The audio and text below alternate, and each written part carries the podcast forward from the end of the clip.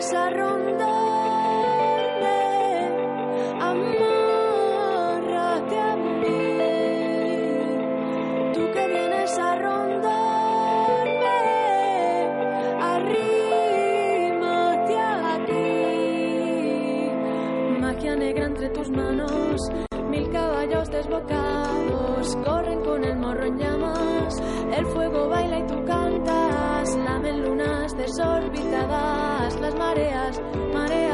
mareadas. Así me sigues al trote y de cabeza al galope. Magia negra entre mis formas, suben hormigas, enraman, romeros de sierras altas, fresco el aire que me canta. Se han abierto las ventanas, beben cientos de gargantas, mientras alzas con la mano el vino que todo sana.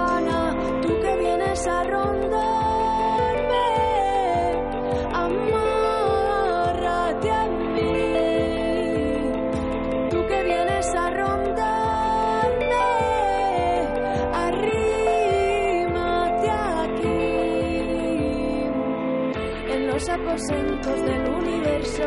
Comencem en la sintonia de Ràdio Ribarroja una nova entrega de l'espai Suma de Lletres. És ja la novena entrega de la nostra història, un espai que, com dic, realitzem a la sintonia de Ràdio Ribarroja, però que emitim també a través d'algunes emissores de la xarxa d'emissores municipals valencianes.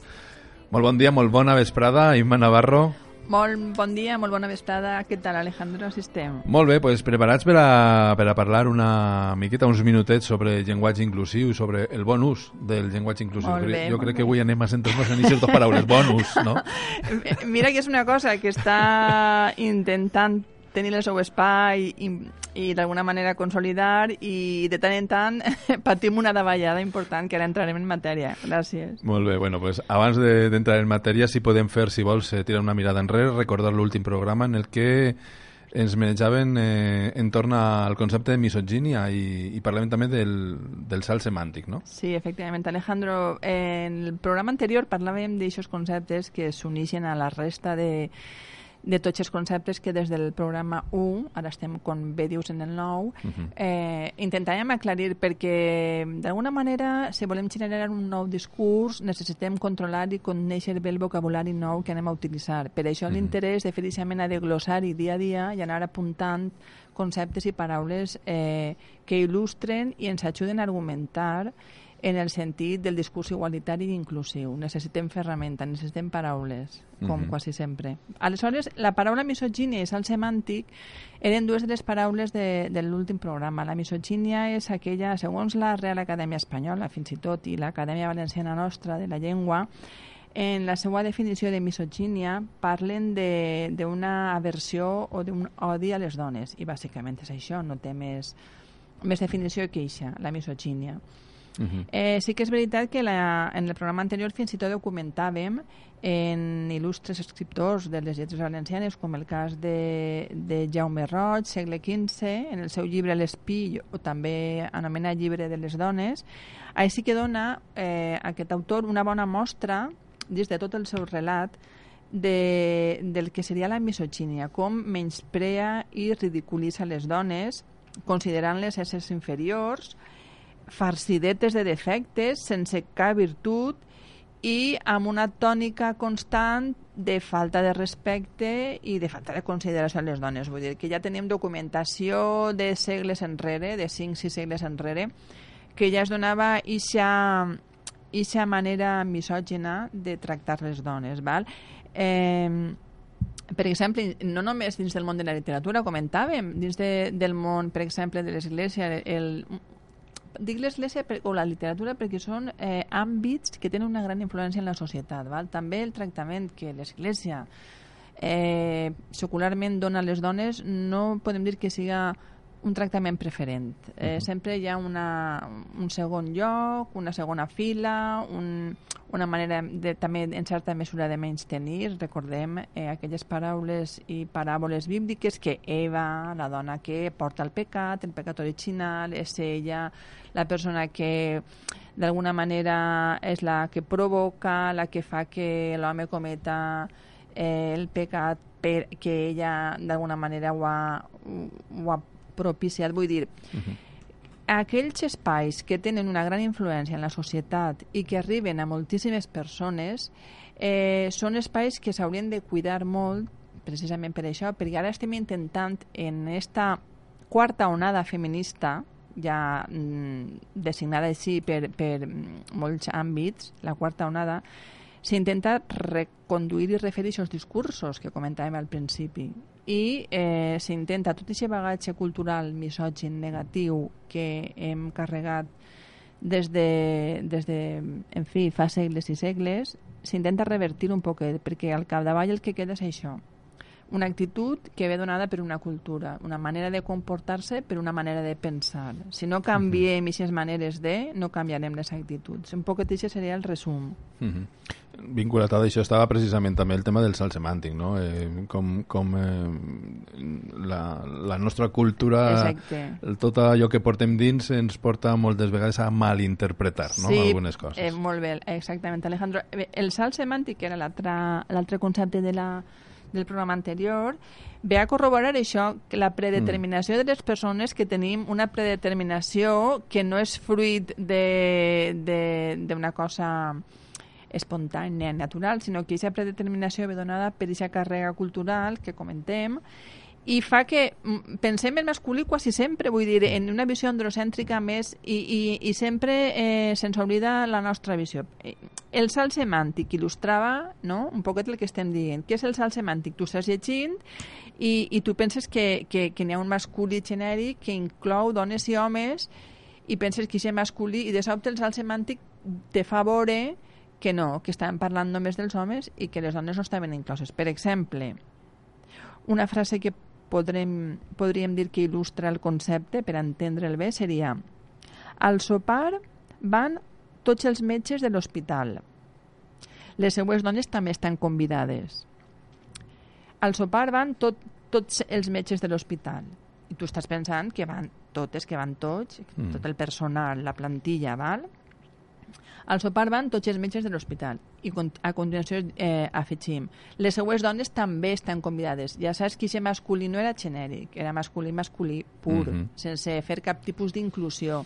Vull dir que eh, arriba un moment que dius no, eh, no és així com, com jo ho estic entenent. L'exemple és molt bàsic i molt fàcil per entendre bé perquè la frase és senzilleta per entendre-ho bé. Això pot complicar-se molt i estàs llegint un text en certa eh, dificultat de comprensió, de termes eh, ja més elaborats, de raonaments més llargs i frases mm -hmm. compostes, i quan acabes de llegir el text de vegades t'adones, ficàvem l'exemple de la germana de, de Mozart. de Mozart, que estem llegint, eh, estem llegint Mozart era tal, i era això, i era jo, i tota la gent estem pensant en el músic, no? en el músic, en el músic. I de sobte eh, l'autor diu la seva germana, i li diu el nom que no me'n recorde, no, no sé què, mm. Mozart, i aleshores dius, ostres, però si era la germana, no era ell. O sigui, ja nosaltres teníem aquesta predisposició natural a que era ell, no era ella, mm -hmm. val?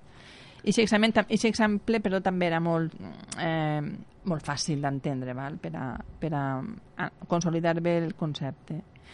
I no res, i, i, i això és el, el salt semàntic que veiem en el, amb el, la misogínia als conceptes anteriors. Pues fet el repàs de, de la lliçó anterior, eh, i anem a, anem a entrar en matèria. Dèiem que, que avui no només parlem de, de l'ús inclusiu del llenguatge, sinó del bon ús, perquè, com deies, bueno, pues estos dies hem tingut ahí una parauleta que, que ha posat damunt la taula la qüestió però no com vull querem. No? Exactament, exactament. Això és, Alejandro. Anem a veure, com, com estem dient, eh, aquesta mentalitat eh, que, que hem definit en els programes anteriors, masclista, sexista, androcèntrica, eh, discriminadora, etc., en el nostre bagatge i glossari eh, del dia a dia del programa, aquesta mentalitat és fruit d'una cultura, com dèiem, i eh, està tan arrelada que costa moltíssim de refer aquest discurs. Però, i això és un poquet la qüestió del programa d'avui, quan costa molt mm, d'alleugerir de, i de desfer aquesta visió eh, tan discriminadora i, i tan desigual, en, en, costa molt molt, molt avançar i en no res tornem arrere moltíssim, no? Això de que pegues un pas avant i quatre enrere, més o menys seria això. La paraula portavoza, la veritat és que ha sigut la paraula de la setmana, en el, en, parlant de termes inclusius del llenguatge, no? Per què? Perquè sí que és veritat que, d'alguna manera, um, la intenció de la persona, al meu entendre, eh, representant eh, d'aquella sensibilitat política diu en un moment determinat en los portavoces i les portavozas, clar, to, la gent de sobte eh, està sopant, estàs en casa, estàs amunt i dius, què? I, i pares, i, i pares l'orella, no? És a dir, mm, objectiu conseguido, atenció immediata, veure què ha dit això de portavozas, encara que no vulguis i no estiguis sensibilitzada en la qüestió, pares i dius, què? Clar, eh, si la qüestió era eh, cridar l'atenció, efectivament s'ha aconseguit. Però mm, la qüestió del programa que jo volia destacar així, la raó un poc d'aquest programa és això, perquè en, mm, anem a intentar cuidar un poc més això que costa molt d'aconseguir, perquè no res se'n va tot cap arrere, comencen a ridiculitzar la situació, comencen a dir és que ja estem així, mira les quatre feministes que imagina't com com flipen, no?, en llenguatge així més ordinari. Mira què diuen i mira quina... Efectivament, eh, la meva opinió, i no només la meua, sinó que la, la que seria irrellevant, evidentment, la opinió eh, autoritzada de lingüistes, de les acadèmies de, i, i de les gramàtiques, clar, la paraula, igual en valencià que en castellà, portavoz, portaveu, eh, és una paraula composta i la paraula voz, veu, és una paraula en femení, no cal refeminitzar una paraula que ja està en femení i té una terminació única, neutra, és a dir, val per al masculí per al femení, i és així. Vull dir, tu dius ell i la portaveu, la portaveu i el portaveu, la portavoz i el portavoz, i ja està. I ja està, no s'ha de pegar més voltes ahí perquè la paraula en si la pots fer inclusiva segons l'article, el determinant, l'adjectiu que l'acompanye. És ahí on dones la marca de gènere. Uh mhm. -huh. Perquè les paraules neutres que són per a masculí i femení vindran marcades pels determinants que van al seu costat. El portavoz, la portavoz, el portaveu, la portaveu. I aquest article, en masculí o en femení, ja la determina ja la fa masculina o femenina. Uh -huh. I si utilitzes els dos articles, ja estàs fent un llenguatge inclusiu, estàs donant un aire inclusiu al terme. El portavoz i la portavoz, los portavoces i les portavoces, los i las, els, les, vull dir, que no haguera costat res fer-ho bé.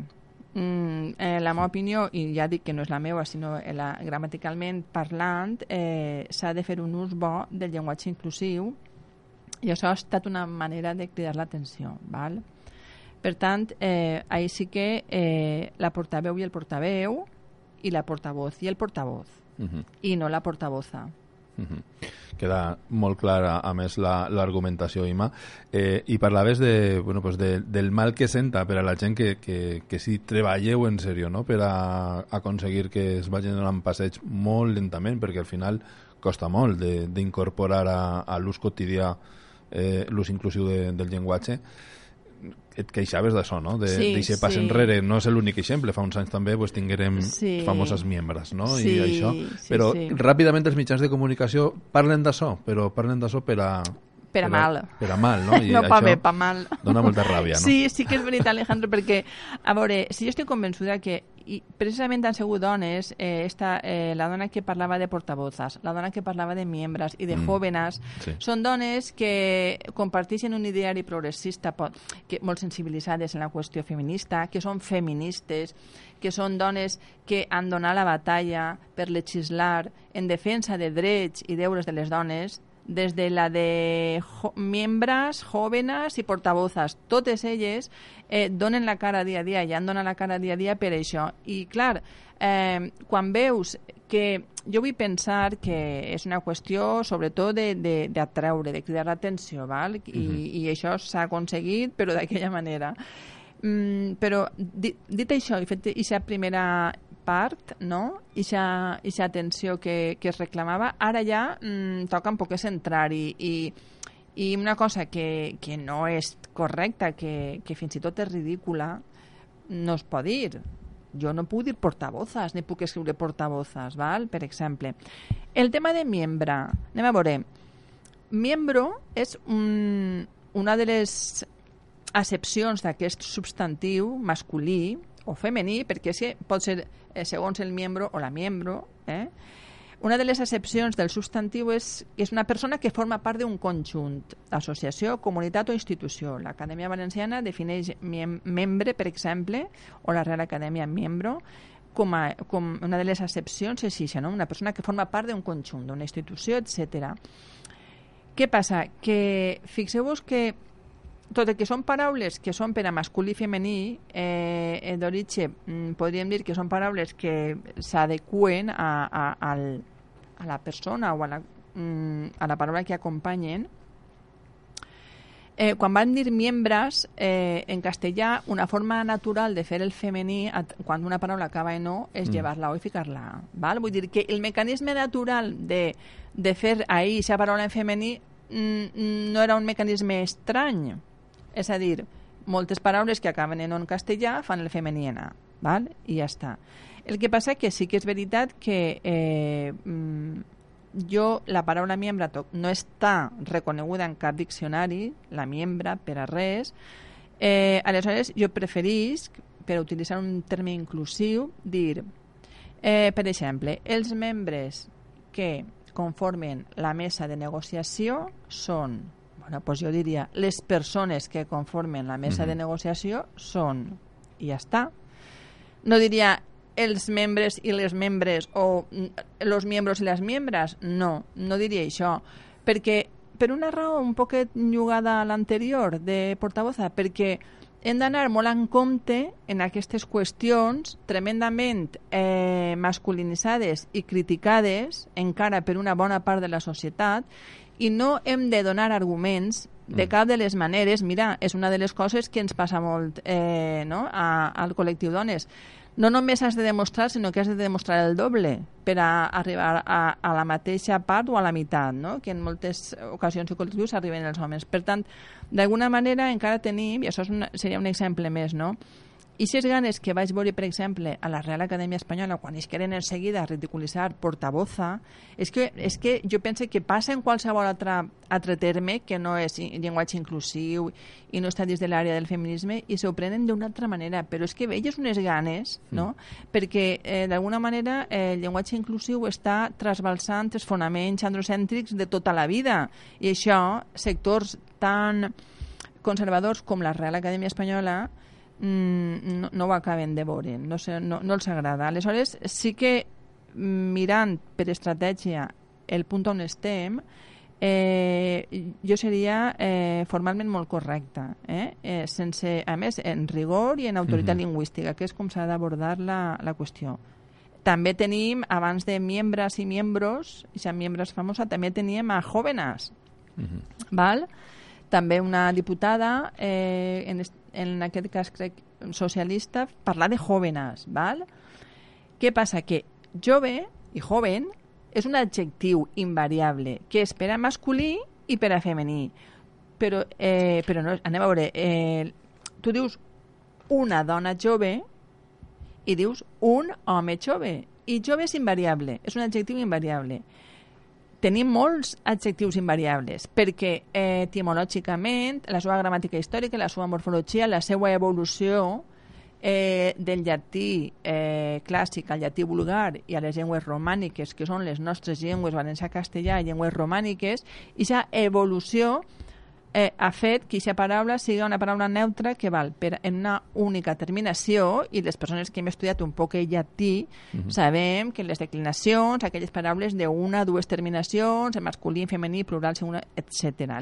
L'ablatiu, l'acusatiu, el nominatiu, el genitiu, etc. Aleshores, això està ahí, això és la gramàtica històrica, això és el llatí, això és l'origen de les llengües romàniques i això té un, una raó científica fonamentada. Hi ha paraules que tenen una sola terminació jove. En valencià i en castellà joven tenen una sola terminació, que és masculí, femení. Tu dius una dona jove i un home jove. També hi ha més mm, alegre, intel·ligent, sensible. Són adjectius que tenen una sola terminació. Aleshores, una dona alegre, un home alegre, una dona intel·ligent, un home intel·ligent. Vegem que l'adjectiu ahí és invariable, que tu la marca del gènere la fas a través uh -huh. de, de les paraules que acompanyen aquesta paraula, val? de l'article, de l'adjectiu, de l'adverbi si pot ser, etc. Val? Per tant, jove, com en el cas de, eh, que hem comentat abans, són eh, adjectius d'una sola terminació. Val? I això seria un poc la, la qüestió que jo volia destacar en aquest programa. Val? No, no hem de caure en, en una provocació estèril. Si la provocació serveix per a canviar, sí, sí que caiem en la provocació. Però si la provocació serveix per a no res i per a, a més a més, que ens ridiculitzen, ni pensar-ho. Vull dir, això ja descartat. Perfecte, jo crec que el missatge queda claríssim eh, en el programa d'avui, eh, Ima, i el que podem fer és eh, pues, finalitzar amb, una, amb un exemple. Eh, avui en principi no portàvem idea d'això, eh, però venint cap a la ràdio em dius que has escoltat una, sí. una frase que t'ha cridat l'atenció. Sí, la veritat és que estava escoltant en, en la cadena SER el programa, un programa que estàvem fent, parlaven exactament d'un projecte en Nova Delhi que estàvem uh -huh. fent perquè en aquells països on eh, hi ha una, un nivell de pobresa eh, extrema i, i que nens i nenes són, en tot cas, i les persones malaltes qui més pateixen aquestes condicions tan lamentables i tan pobres en el seu dia a dia? Mm, es fan programes, estaven explicant un programa de caràcter esportiu, de futbol, pense que era, i el, el Acento Robinson, crec que es diu el programa, i estaven dient eh, bueno, que hi ha un programeta per a jugar a futbol nens i nenes que estava molt bé perquè era una manera de, de, de integrar-se, d'il·lusionar-se, de compartir, d'aprendre, d'anar a una, en fi, de uh, consolidar aquests valors que l'esport que l'esport ben fet, perquè també sabem mm -hmm. que el futbol també té altres tipus de valors que ni, ni, ni comentar-ho, val? però d'alguna manera volien eh, ajudar a consolidar en nens i nenes d'aquells països, d'aquelles ciutats terribles que passen fam i, i, i tantes i tantes penes i tantes mm, necessitats, volien un poc fomentar. I la frase que m'ha cridat l'atenció era la majoria, parlant del projecte, eh, deia, la mayoría de los niños de este proyecto, casi un 90%, son niñas. ¿Val? I jo veia que eh, una volta ho ha dit i això està molt bé perquè d'alguna manera sí, quan, compte, quan, no? la, quan tu veus que, que el periodista, la periodista està parlant en directe en, com en el cas aquest, no? I, i, veus que dius ja s'ha donat de lo que ha passat. Està molt bé, perquè ja ha entrat en aquesta dinàmica. Pot ser fa uns anys, ni se ho plantejava, ni s'ho plantejàvem, i ara ja, ja estem entrant. Això és l'essència del llenguatge inclusiu. No ficar niños o niñas o el portavoz o la portavoz. Això seria el final, la punteta mm. de l'iceberg, no?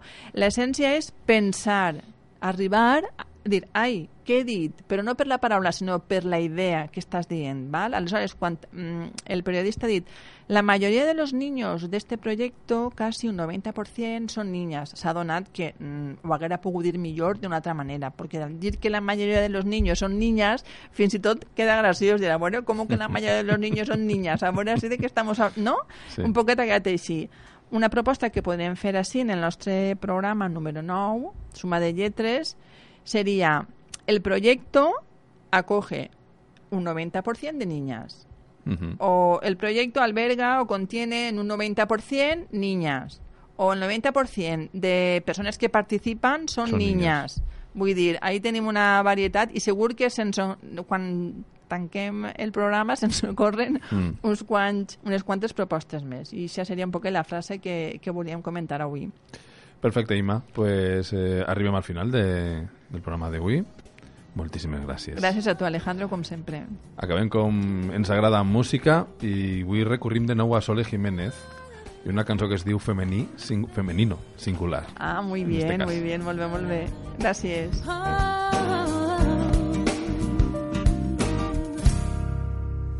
Perdóname si no he sabido hacerlo mejor. Perdóname si no he sabido ganarme tu amor. Tan difícil continuar si todo todos callan y todos miran hacia otro lado. Tan difícil respirar la profunda soledad. Perdóname por esperar una caricia de ti. Tan solo un poco del amor que yo día tras día te ofrecí. Tan difícil de lograr aquí a mi lado. Tan difícil continuar en femenino singular. En femenino singular.